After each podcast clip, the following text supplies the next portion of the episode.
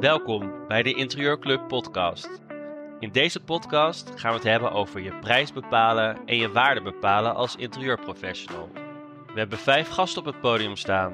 Laura Hindrik, zij is interieurontwerper, maar helpt ook interieurprofessionals met ondernemen. Kim van Haren, business coach. En drie interieurprofessionals, Melanie, Colinda en Manuela. En in maart hebben we nog meer toffe podcasts voor je klaarstaan.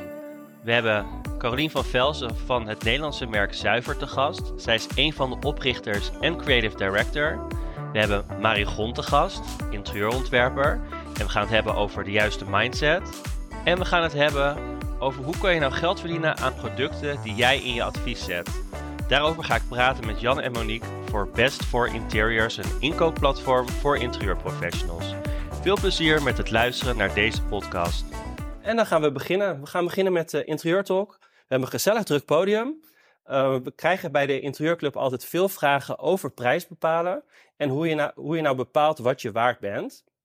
Bijvoorbeeld vragen die ik vaak krijg is, wat is een goed uurtarief? Uh, moet ik een pakket maken of moet ik per uur laten betalen? Ik vind het heel eng om met een klant over geld te praten. hoe kan ik dit nou goed aanpakken? wanneer kan ik mijn prijs omhoog doen? Um, en hoe zorg ik dat uh, klanten meer voor mijn diensten gaan betalen? Uh, en ik begrijp deze vragen heel goed, omdat je dit eigenlijk niet leert op een interieuropleiding.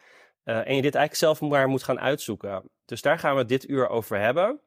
Um, en we behandelen bij Interieur Talk eigenlijk altijd uitdagingen en vragen die interieurprofessionals hebben voor het opzetten van hun eigen interieurbedrijf. En um, ook inspiratie, zodat je je opdrachten beter kan uitvoeren.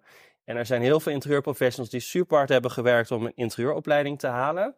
En nu eigenlijk nog harder werken om een interieurbedrijf van de grond te krijgen. En na je opleiding ja, wil je graag je creatieve skills inzetten. Uh, maar het komt ook aan op je ondernemersvaardigheden. Uh, hoe weet je nou welke stappen je moet doen om je interieurbedrijf op te bouwen? Uh, ga je het alleen doen of ga je het met een partner doen? ga je eerst ergens werkervaring opdoen, bijvoorbeeld in een studio of interieurwinkel? Um, en werk vanaf het huis of ga je een werkplaats uh, huren? Volgens mij Colinda die uh, heeft een werkplaats. Um, zag ik laatst op je Instagram. uh, en nou ja, toch? Het klinkt een beetje alsof ik ah. als een timmerman, weet je, als een timmerman een werkplaats. Ik heb inderdaad gewoon een kantoor bij het huis, dat klopt. Ja, wat goed, wat goed. Ja. Um, nou, verder, hoe laat je potentiële klanten weten dat je beschikbaar bent voor interieurklussen? Dus hoe ga je marketing doen? Uh, hoe ga je om met je tijd? Hoe ga je efficiënt werken? Hoe ga je om met klanten? Dat is natuurlijk ook iets wat je, wat je moet leren. Uh, hoe vind je de juiste leveranciers? Um, en ook het onderhandelen over prijzen vond ik in het begin heel lastig. Um, maar daar heb ik wel mijn weg in gevonden. Uh, en dat zijn allemaal onderwerpen die we aansnijden in Interieur Talk. Ik zal mezelf even heel kort even voorstellen voor degenen die, uh, die nieuw zijn.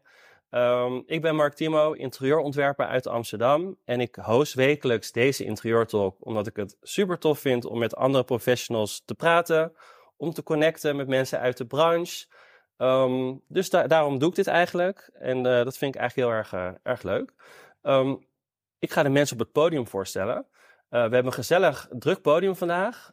Ze gaan zichzelf zo even voorstellen, maar ik ga even de namen noemen, zodat voor iedereen duidelijk is wie op het podium staat. Uh, we hebben Laura Hendricks, zij is interieurontwerper, maar zij helpt ook interieurprofessionals met ondernemen. Uh, we hebben Kim van Haren, zij is business coach. Uh, dus dat zijn eigenlijk de twee coaches, zoals ik het zie, die hun visie gaan geven op het onderwerp. En dan hebben we ook nog drie interieurprofessionals op het podium staan. die gaan vertellen hoe zij het hebben aangepakt, waar ze tegenaan liepen of nog steeds lopen. dat zijn Melanie, Colinda en Manuela. Welkom allemaal.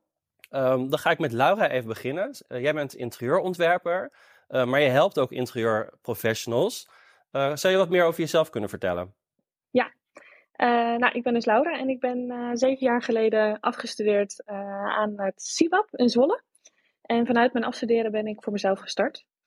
En eigenlijk is het zo dat ik vanaf ja, dag één al best heel veel berichtjes krijg op Instagram, maar ook gewoon mensen die willekeurig bellen uh, of mail te sturen van... Hey Laura, hoe doe jij dat nou, uh, dat ondernemen? Hoe kom je aan klanten? Um, nou, ik zit natuurlijk ook in het vak en dat maakt denk ik dat het een hele leuke koppeling is. Uh, ja, dat ik mijn ervaring binnen mijn werk ook meteen aan anderen op deze manier door het mentorschap ja, kan doorgeven.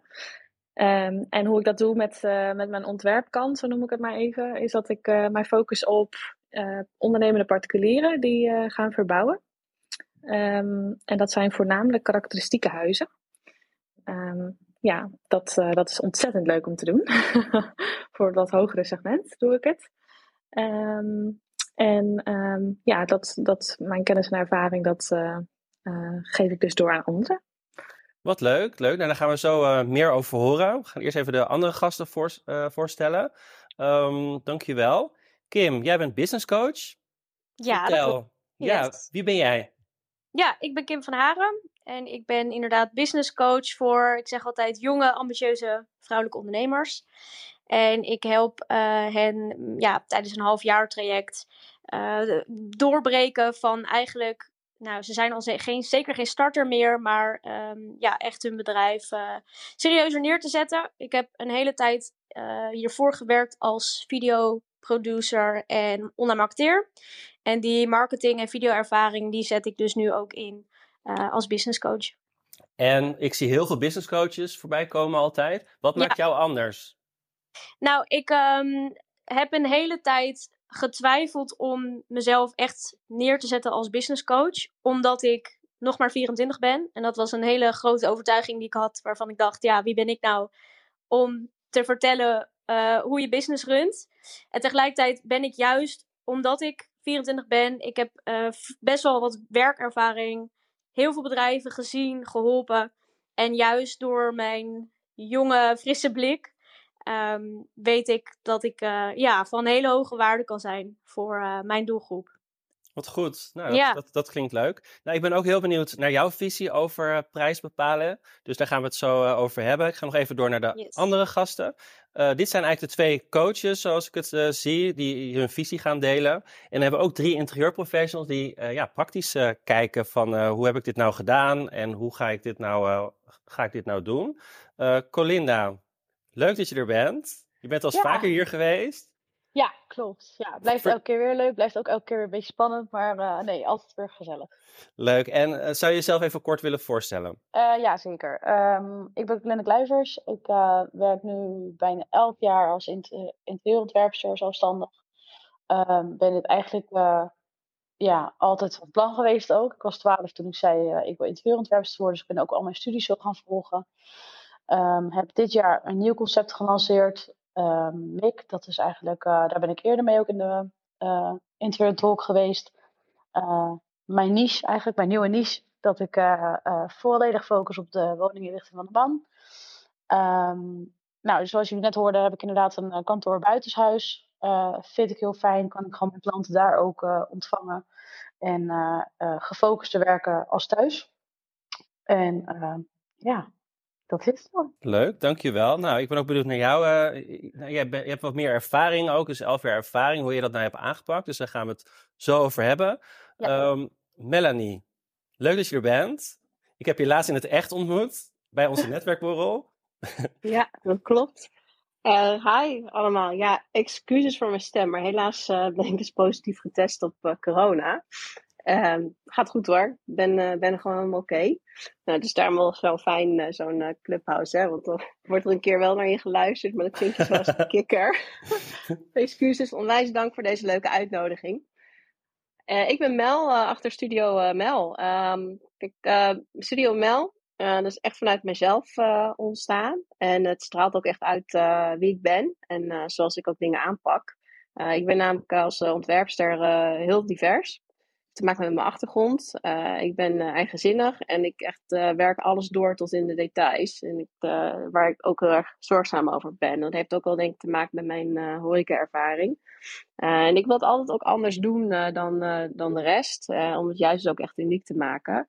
Want ik wil ook echt wel hiermee, door mijn kennis en ervaring, ook mijn klanten, door die ontwerpbril die ik dan wel op heb door te kijken naar een uh, interieur, om het dan juist anders uh, te durven aan te pakken. Want anders blijven ze denk ik dan bij hangen in de huidige sfeer of stijl. En ik vind dat interieurs altijd, hè, is nooit zo'n one size fits all. Ik werk altijd met uh, maatwerk. En daar wil ik straks wat meer over vertellen. Overigens, overigens woon ik in Hilversum samen met mijn vriend en ik ben mama van twee kids. Ehm, nou, ik heb een diverse achtergrond. Ik ben opgegroeid in Amerika. Ik ben geboren in Alabama, opgegroeid in New York. Ik ben grafisch ontwerper, ik ben interieurontwerpster. Ik heb de Artemis Academie gedaan, maar ik heb ook de Kunstacademie gedaan. En ik heb veel samengewerkt met projectontwikkelaars en kunstenaars. Dank dat ik hier mijn kennis mag komen delen. Wat leuk, dankjewel. Dat uh, wist ik nog allemaal niet, dus dat is wel leuke, leuke informatie. nou, dit is leuk. Oké. Okay. Dankjewel. Uh, Dan gaan we even door naar Manuela. Uh, Manuela, hallo, welkom. Leuk ja, dat je hallo. er bent. Ja, dankjewel voor de uitnodiging en wat leuk om hier te zijn. Um, ook leuk inderdaad om um, nou ja, veel mensen uh, al een keer live gezien te hebben op een van de borrels. Voor de mensen die die nog niet kennen, het is een aanrader. Altijd gezellig, altijd leuke mensen, goede sfeer. Um, nou, wie ben ik? Ik ben Manuela Aspers. Ik ben 49 jaar oud. Ik woon in Almere. Ik ben uh, single, heb geen kinderen en wel twee katten. Um, en ik heb eigenlijk um, voornamelijk in de sales gewerkt. Ik heb ongeveer 25 jaar werkervaring in de sales. En voornamelijk um, als accountmanager in de buitendienst. interieur is eigenlijk altijd een hobby geweest. En elf jaar geleden heb ik een opleiding binnenhuisarchitectuur bij het NCOI gedaan. Maar had toen eigenlijk het lef niet om voor mezelf te beginnen. Uh, dus uh, ach achteraf ingezien, dat zag ik toen nog niet. Um, ik zag gewoon veel te veel beren op de weg. Uh, ik had een goede fulltime baan en ik durfde die zekerheid niet op te zeggen. En nou ja, naast die fulltime baan was er ook geen ruimte om mijn eigen bedrijf te beginnen. En ik deed wel um, ja, veel interieurontwerpadvies natuurlijk voor vrienden en, en familie. Um, anderhalf jaar geleden was eigenlijk een keerpunt voor mij. Toen raakte ik voor de tweede keer achter elkaar mijn baan kwijt. Eén keer door een reorganisatie en daarna werd uh, in coronatijd mijn contract niet verlengd. Maar toen besefte ik eigenlijk dat een vaste baan uh, ja, ook alleen maar schijnzekerheid geeft. En ik ben toen een loopbaanbegeleidingstraject gestart om uit te zoeken wat ik wilde. Want ik dacht, ja, als ik nog een keer een switch wil maken, dan, um, dan moet ik het nu doen. En um, nou ja, die loopbaancoach was eigenlijk binnen een kwartier uh, er wel achter dat ik gewoon iets in het interieur moest gaan doen. En dat was wat ik zelf ook wilde. Um, eigenlijk altijd al wilde, maar nooit, uh, nooit durfde. En ik ben toen ook een coachingstraject gestart. Heb met name nou, gewerkt aan al die beren op de weg. En um, naar de mogelijkheden, mogelijkheden gezocht hoe het uh, wel kon. En ik ben uiteindelijk vier maanden geleden vanuit het starttraject van het UWV... Um, mijn eigen bedrijf gestart, Manuele Interieurs. En uh, daarmee richt ik me voornamelijk op mensen um, ja, die niet in actie komen door de beren op hun weg. Um, wat betreft hun interieur. Mensen die niet weten waar ze moeten beginnen, wel willen, maar niet durven. Um, en voornamelijk ook, ook opzien tegen de stress uh, van, het, van het hele project. Want er zijn heel veel keuzes te maken en dat verlamt mensen heel vaak. En met name ook de stress van, uh, van een verbouwing.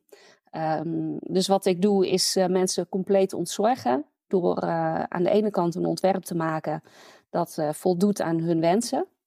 Maar ik help daarnaast ook met planning, budgetbeheer en um, nou ja, indien gewenst doe ik het hele projectmanagement van de hele realisatie. Mooi, dat klinkt, klinkt goed. Nou, jij bent een, een, starter in de interieurbranche, dus dat vind ik ook leuk om straks te horen hoe jij dat nou hebt aangepakt qua prijs bepalen. Uh, dankjewel allemaal voor het voorstellen. Dan gaan we door met het uh, onderwerp prijsbepaling en hoe bepaal je nou je waarde. Um, ik wil aan Laura vragen, um, jij begeleidt ook um, interieurprofessionals. Waar, waar lopen ze nou tegenaan? ja, waar lopen ze eigenlijk tegenaan? Uh, wat kom jij tegen? Nou, kort samengevat, uh, te hard werken voor te veel te weinig geld.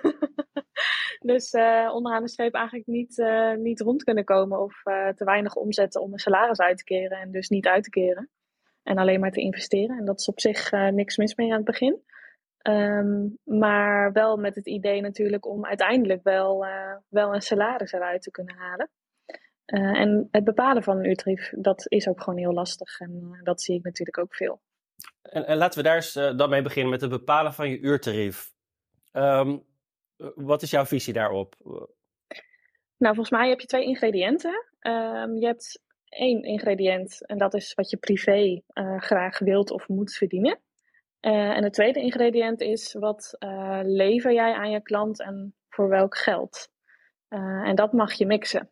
Ehm, dus als jij niet weet wat je privé wilt verdienen of, eh, of mag verdienen, ehm, ja, dan is het ook lastig om ergens naartoe te werken. En ook lastiger om heel ja, gedegen die prijs ook naar je klant te communiceren. Ehm, dus als je dat weet, dus ik noem maar wat, je wilt uh, eh, 1500 euro of 2000 euro verdienen per maand, dan kan je ook vervolgens daar uh, ja, de kosten bij afzetten. een stukje inkomstenbelasting en belasting daaroverheen. En dan komt daar een bedrag uit wat je per maand en per jaar ja, moet gaan, gaan verdienen. En dus ook rekenen naar je klant. En eigenlijk het tweede, de tweede factor is, is dat jij uh, aan de hand van jouw klant, dus op een gegeven moment is het goed om heel goed te weten wat jouw klant wilt en hoe jij diegene kan helpen. Dus ik noem maar wat. je doet interieuradvies geven voor een, voor een particulier in een tussenhuis.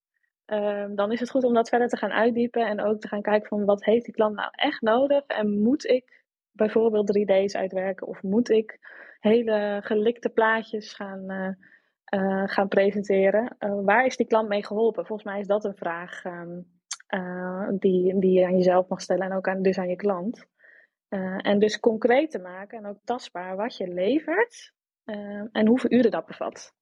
En dan kan je je prijs bepalen. Ja, ja, heel duidelijk inderdaad. Dus niet kijken van, ja, ik, uurtarieven, wat zijn nou de uurtarieven? Maar je gaat eigenlijk kijken van, wat wil je nou zelf gaan verdienen? Ja, je begint bij jezelf. Ja, ja. daar begint het. Uiteindelijk werk je natuurlijk voor een bepaalde voldoening, maar ook voor een bepaald salaris. Uiteindelijk gaat voor niks de zon op. Absoluut. en moet iedereen wat geld verdienen om te kunnen leven hoe die levensstandaard er ook uitziet. Dat maakt niet zoveel uit.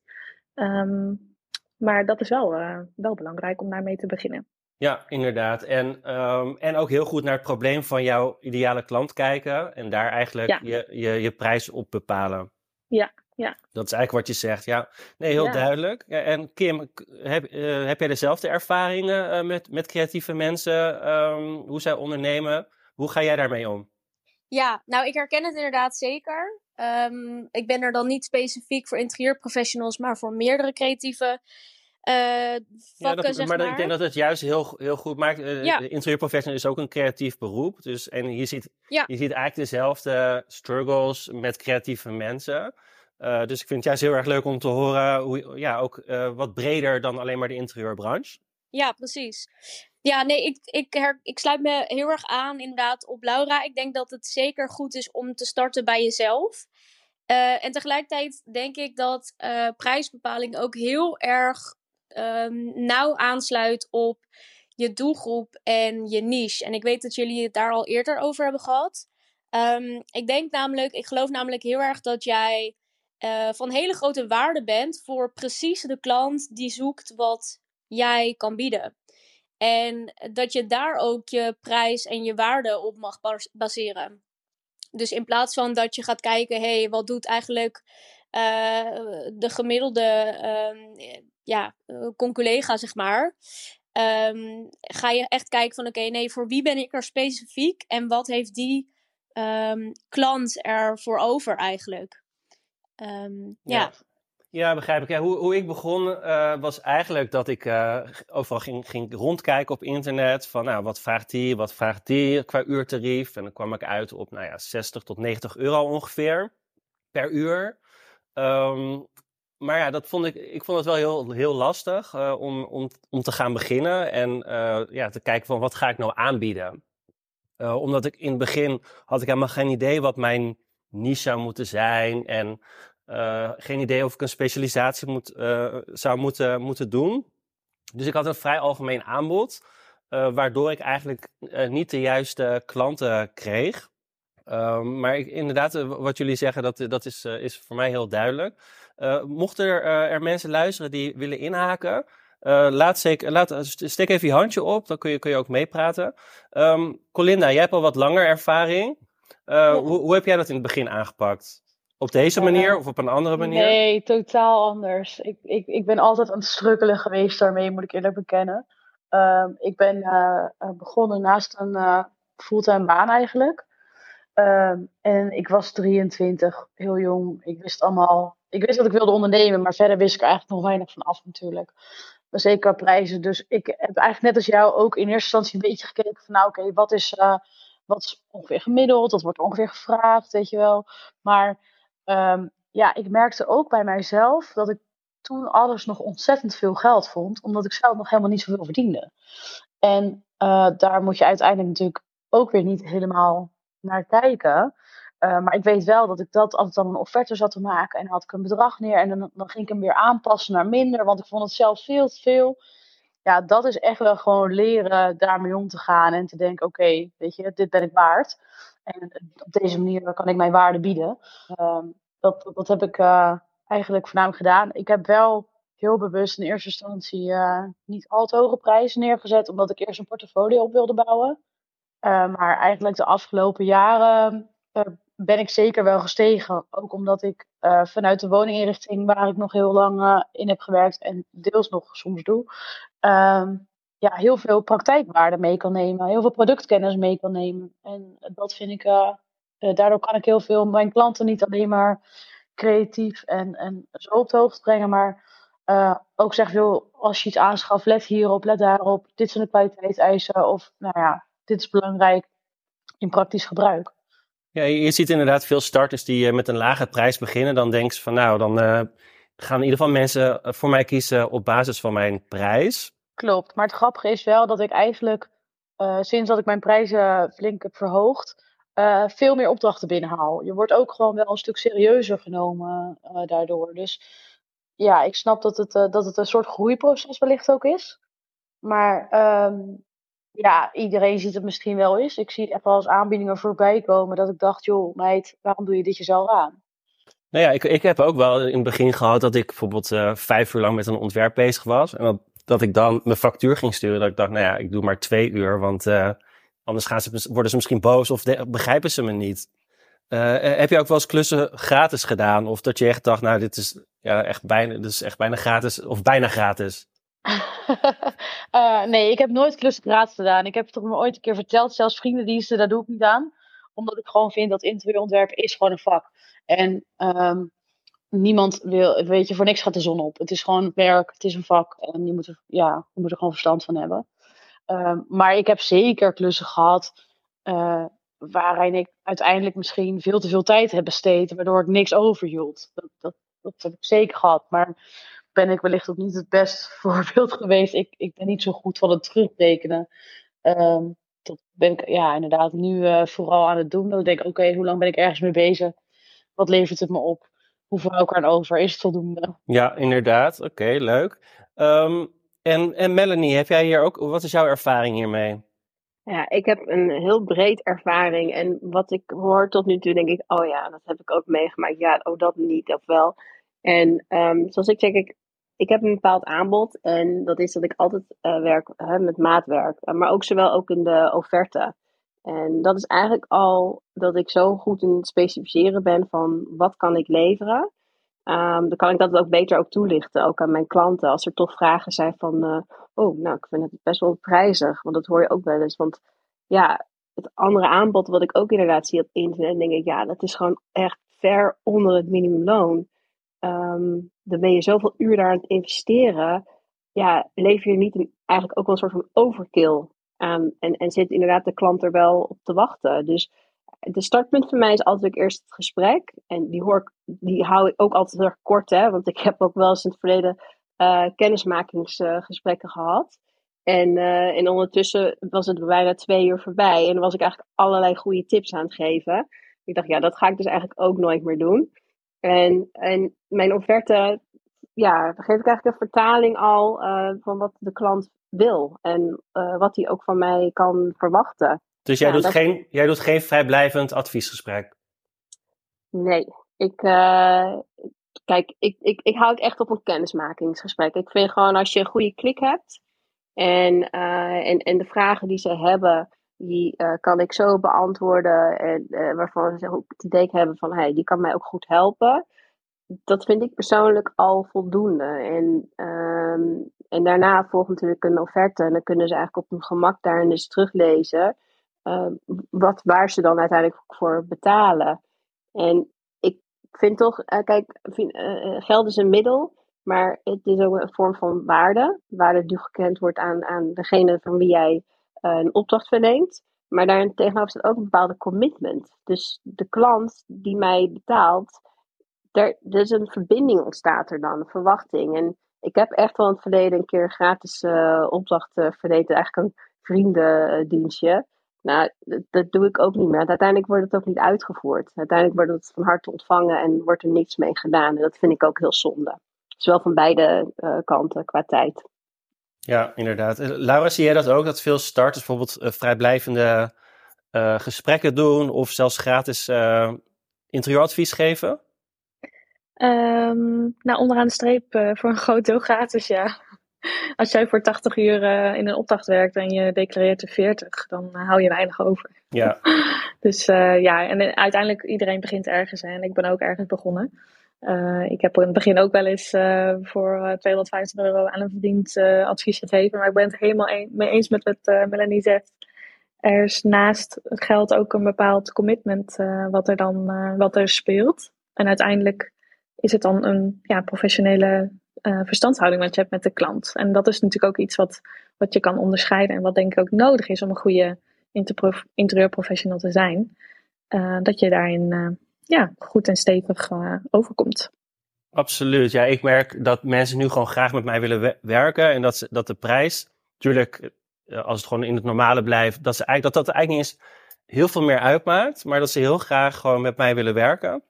Um, en ik denk dat dat ook wel belangrijk is uh, om gewoon een goede prijs te kunnen, kunnen vragen. Uh, we hebben Manuela nog niet gehad. Um, jij bent een, nou, echt een, een starter in de interieurbranche. Welke struggles loop jij tegenaan? Um, ja, ik, ik moet eerlijk zeggen, ik heb voordat ik begon, uh, of hè, tot mijn startdatum uh, heb ik echt wel een hoop voorwerk gedaan. Um, ik kom natuurlijk ook, ja, ik kom echt vanuit de zakelijke kant, hè, 25 jaar sales. Dus ja, ik ben gewend om, uh, om over geld te praten, zeg maar. En ik heb het ook heel zakelijk bekeken. Um, ik ben alleen, ik heb een huis, ik heb op basis van wat ik 25 jaar aan salaris heb gehad, ja, ook een bepaald leven ingericht. En voor mij was het dus wel belangrijk um, uh, om financieel ook de haalbaarheid van een eigen bedrijf te toetsen. Um, want op het moment dat ik um, nou ja, te weinig geld verdien en mijn hypotheek niet meer kan betalen, uh, dan heb ik een ander probleem. Dus dat is sowieso mijn, mijn insteek geweest. En ik heb het eigenlijk, um, nou ja, wat Laura al zei, gewoon heel zakelijk aangepakt. Hè? Wat, wat heb je um, per jaar uh, nodig um, om te kunnen leven, om je bedrijf te kunnen uh, runnen en uh, om gelukkig te zijn. Geld maakt niet gelukkig, maar hè, leuke dingen doen kost geld, dus je hebt wel nodig. Ik heb daar een keer een masterclass over gevolgd, waar echt gewoon een duidelijke berekening in zit.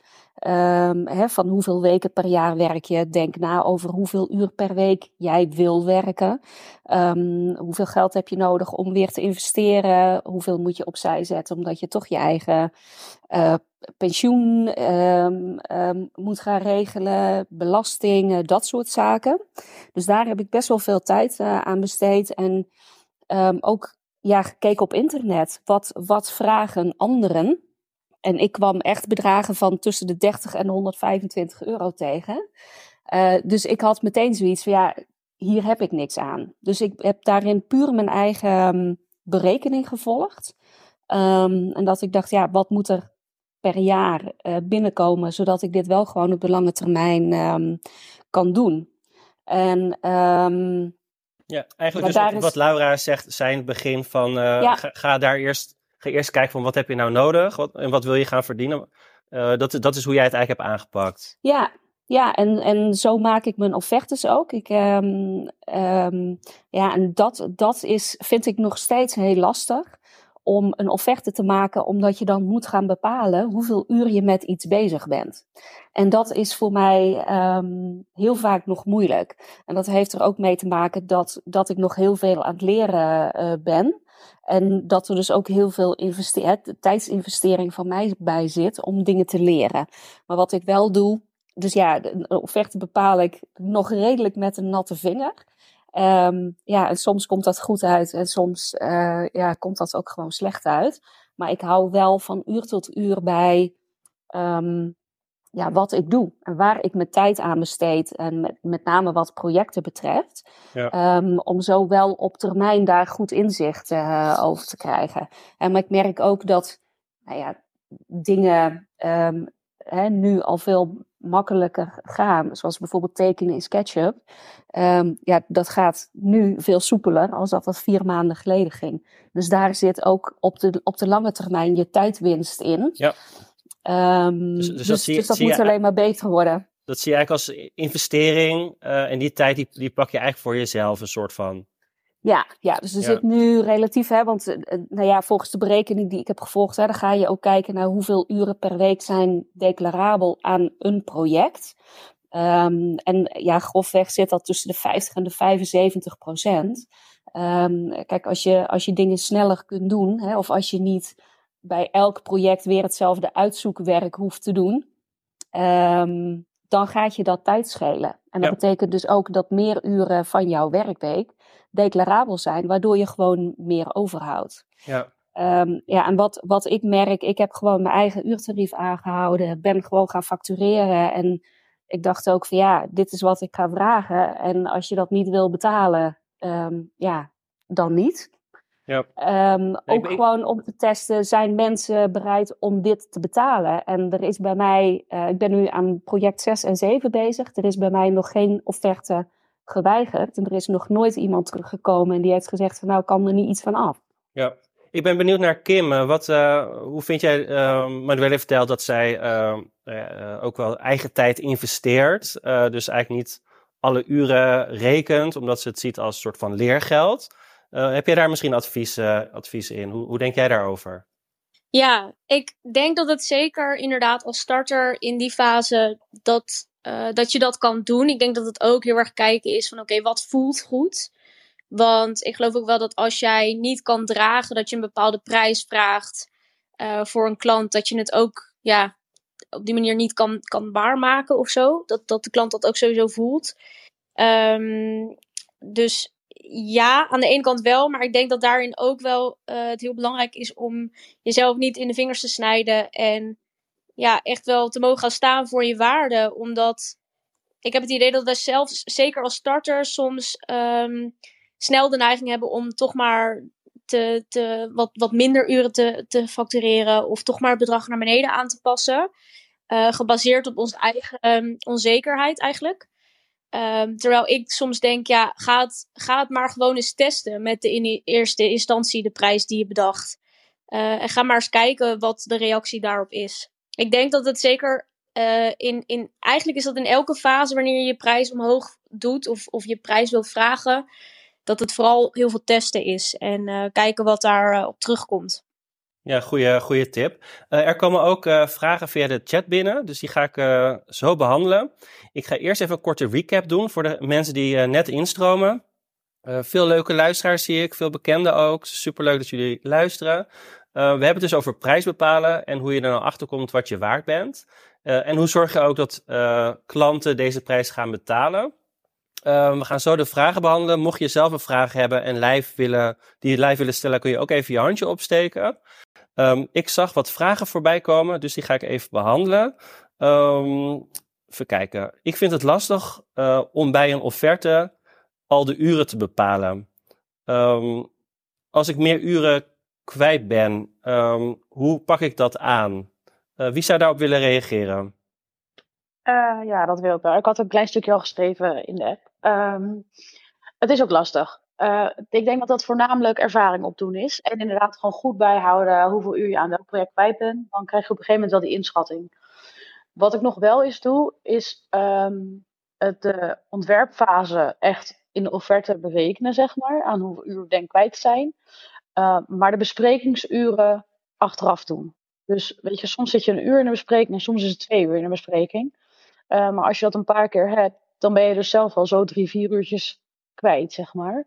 Uh, dus dat zet ik eigenlijk dan onder als extra regeltje besprekingsuren aan de hand van tijd. Zo bijvoorbeeld. En Laura, dan met een uurloon ja. erbij.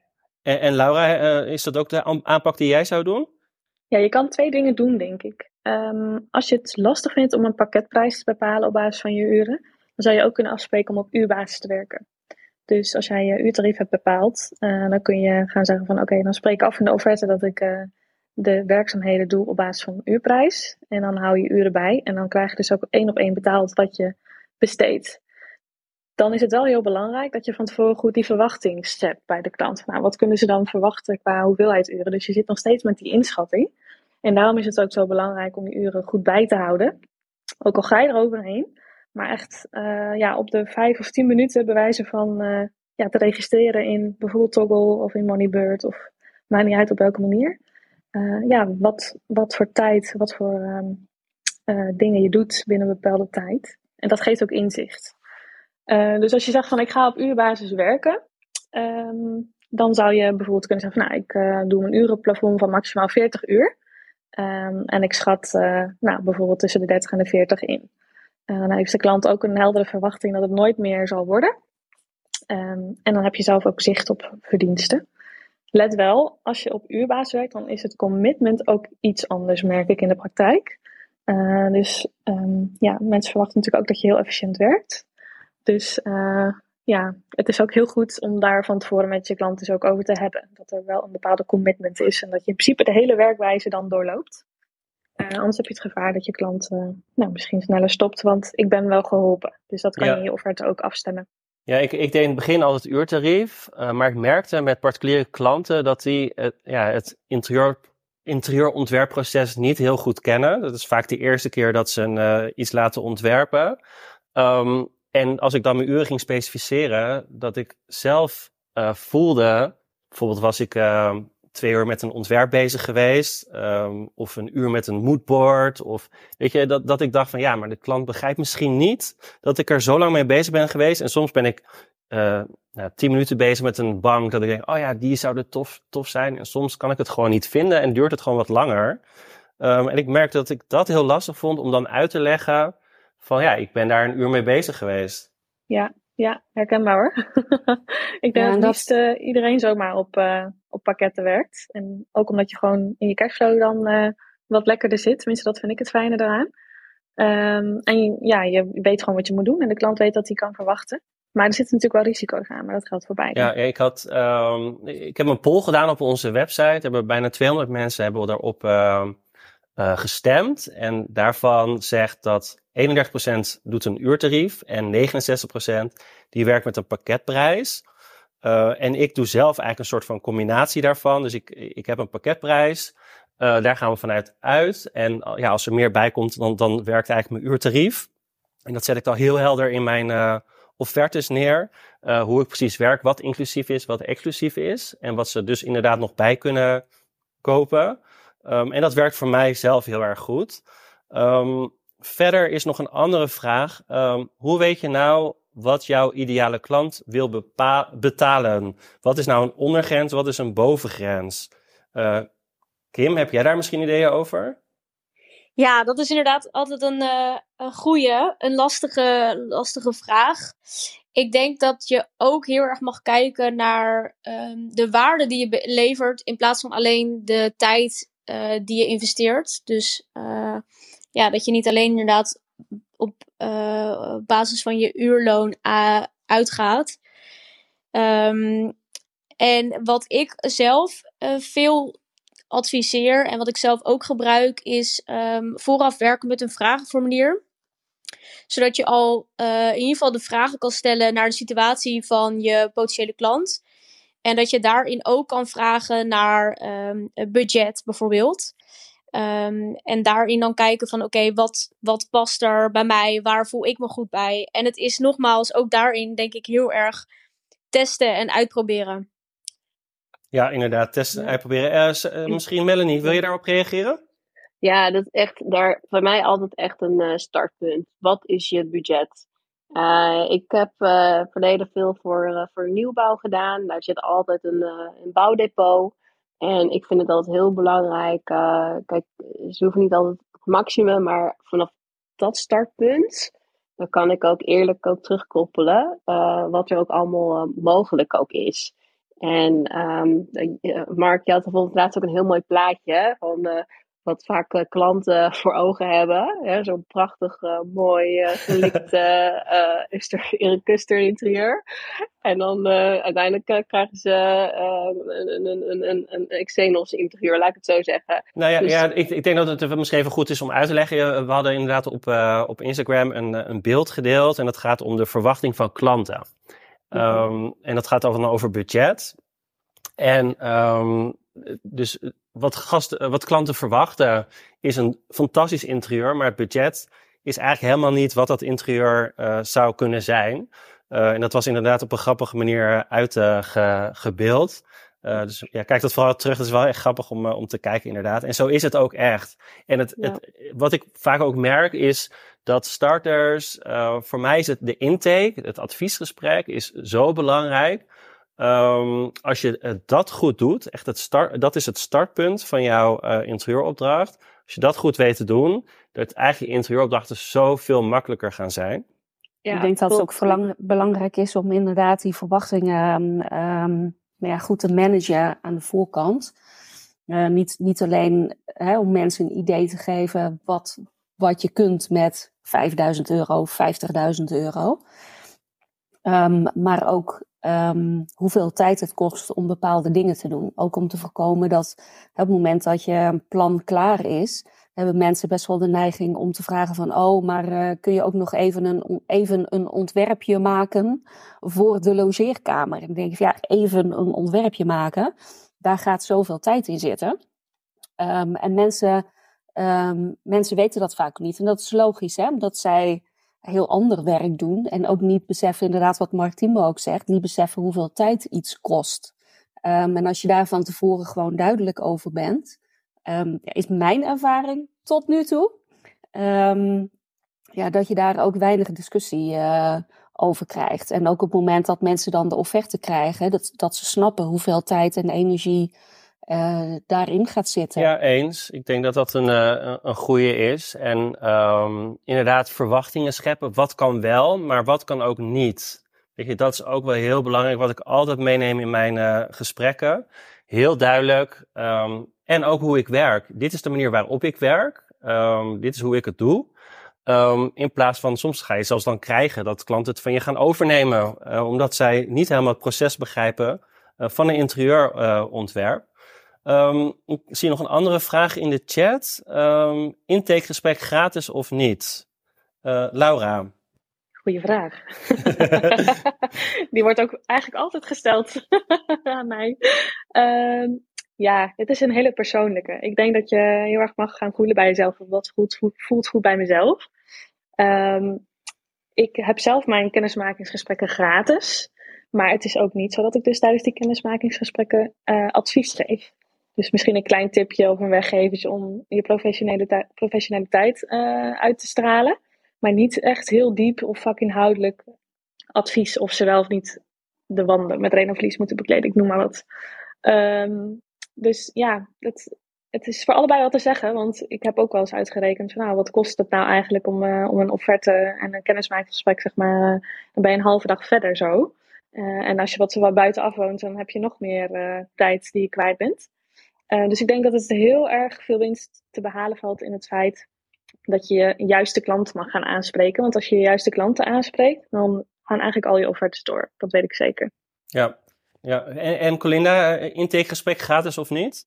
Nee, ja, ik doe hem gratis. Ik moet zeggen dat ik... Uh, nee, ik doe hem eigenlijk helemaal niet gratis. Ik verwerk het gewoon een beetje anders. Um, ik doe alsof die gratis is. Alleen achteraf, als ik denk ik ben daar anderhalf uur geweest... dan zet ik dat wel zeker wel in de offerte neer. Um, nu heb ik het geluk dat, ja, eigenlijk als ik een offerte uitbreng, is die denk ik in al die tien jaar twee keer niet doorgegaan. En verder altijd wel. Uh, dus ja, ik reken hem zeker. Uh, maar loop ik de opdracht mis, dan heb ik gewoon pech. Anderzijds denk ik dan ook wel, dan was het niet mijn klant.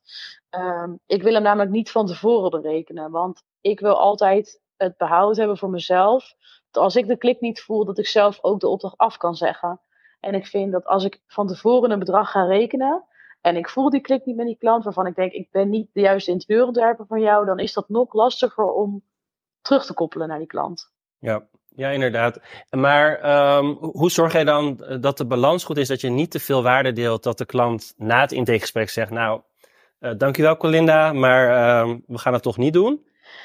Ja, eerlijk gezegd um, geef ik niet zoveel weg tijdens intakegesprekken, denk ik.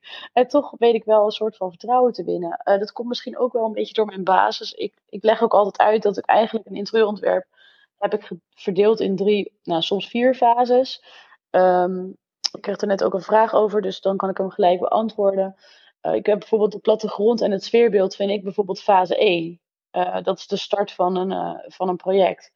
Um, daardoor kan ik ook in drie fases factureren. Dus elke keer als een onderdeel af is, dan factureer ik ook. Dus dat weten die klanten dan ook gelijk. En daarmee kan ik ze ook gelijk het vertrouwen geven. Oké, weet je, je kent me niet. Um, ik ben heel allround, moet ik zeggen, als interieurontwerper. Dus ik heb nooit één en dezelfde stijl. Dat is soms wel eens even wennen voor klanten, maar kunnen ze ook heel prettig juist vinden. Maar dan is het wel aftasten. Um, dus soms, ja, als je iemand echt nog niet goed kent, dan is dat natuurlijk wel dat ze denken van, oh ja, maar weet jij dan wel zeker wat wij willen? Uh, door die fase eigenlijk zo te bepalen, kan ik ook gewoon, zeg ik ook gerust in een intakegesprek van, joh, maar je kan me ook eerst gewoon akkoord geven op fase 1 om te zien hoe het gaat. Dus of je er blij mee bent. En dan is het natuurlijk aan mij om, om dat zo in te kleden dat ik die tweede en die derde fase ook krijg.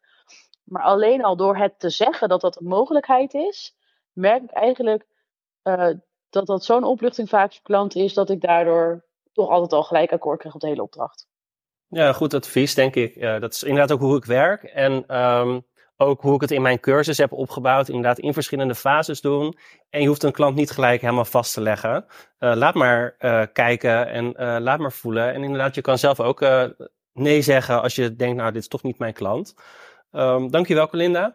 Um, we gaan de laatste vijf minuten in. Ik heb ook nog een vraag staan. Je prijs zichtbaar op de website of niet? Uh, daar is ook op gestemd. Uh, zichtbaar 66% zet wel zijn prijs op de, uh, zet wel zijn prijs op de website en 34% niet. daar ga ik zo ook nog met jullie over hebben. Maar we hebben ook Frida op het podium staan. Frida, leuk dat je even iets wil zeggen. Vertel. Ja, hoi. Goedemiddag is het inmiddels, ja. Um, ik heb een vraag over die kennismaking en die intake. Um, dat loopt een beetje door elkaar heen, tenminste, zoals ik het begrijp. Maar wat ik, ja, waar ik benieuwd naar ben, zien jullie de kennismaking in intake als één gesprek?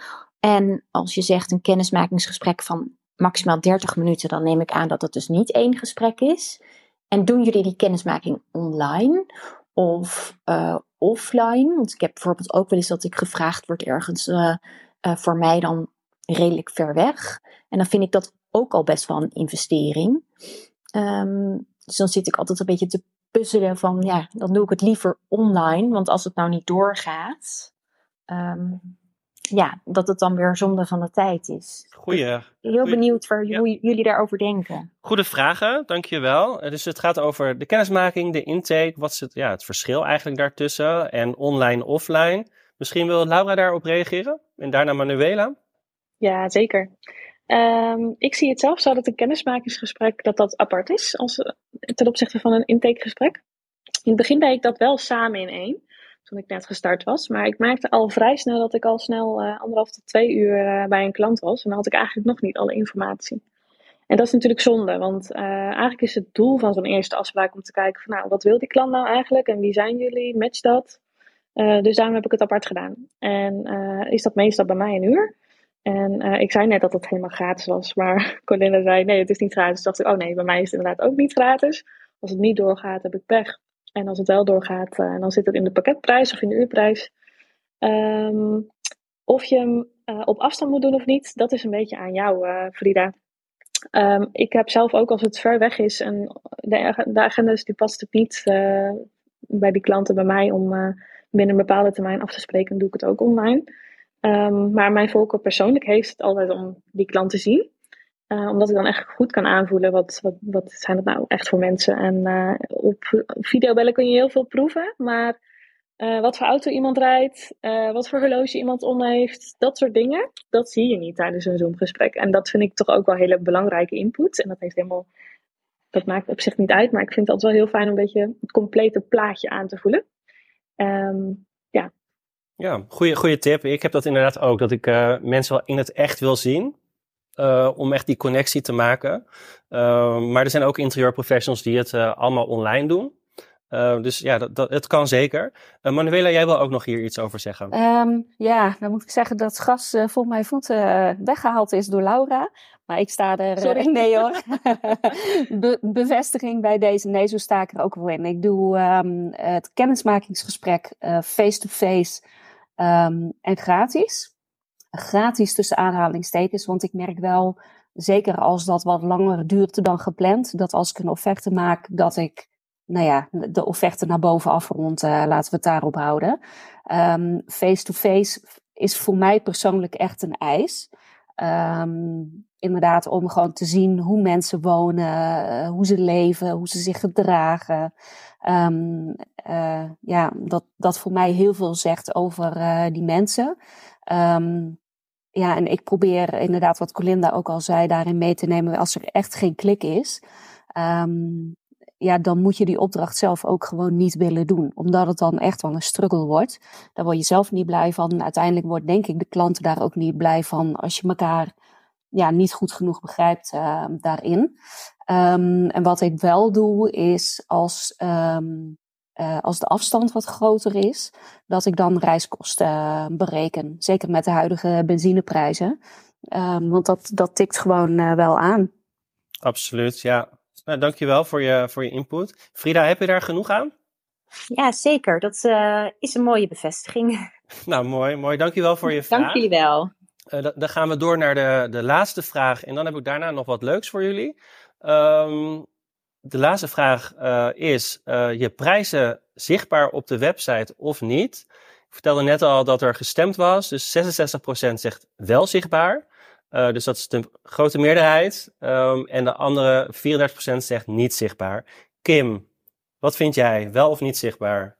En waarom? Ja, ik zag uh, net inderdaad in de chat dat daar um, ook al antwoord was gegeven door Laura. Inderdaad, ja, ik ben zelf aan de ene kant wel voorstander van op je website zetten. Uh, maar tegelijkertijd, daarin is het ook, er is geen goed of fout ik denk dat het heel erg, uh, dat je echt mag kijken van, oké, hoe bereken ik mijn prijs? Werk ik met een vast tarief? Werk ik met een uurtarief? Werk ik met pakketprijzen? Of werk ik volledig uh, op maat? Um, want ja, afhankelijk daarvan uh, kan het wel of juist niet voor je werken om de prijs op je website te zetten. Ik denk dat als je met vaste prijzen werkt, het logischer is om ja, dat op je website ook te communiceren. Uh, en wat ik eerder zag in de chat is dat je dan misschien juist klanten afschrikt. En waarop Laura ook antwoordde, uh, dat afschrikken is inderdaad juist goed. Ja, want je, je bent er niet voor alle, uh, alle klanten, je bent er niet voor iedereen. Um, ja, dus ik denk dat dat juist ook wel uh, voor je werkt uiteindelijk. Ja, dankjewel. Melanie, heb jij hier misschien ook nog een, een mening over? Ja, zeker. Um, ik uh, lever maatwerk. Dat betekent dat ik dus ook met uh, specialisten samenwerk. En dat die specialisten aparte offerten uitbrengen. Ik heb een beetje een, soort van gekke ruimtelijk inzicht dingetje. Maar ik werk per vierkante meter. En dat heb ik ook op mijn website staan. En dat doe ik omdat ik vind dat als je een kleine ruimte hebt en jij als klant vindt eigenlijk alleen een adviesgesprek van twee uur al voldoende.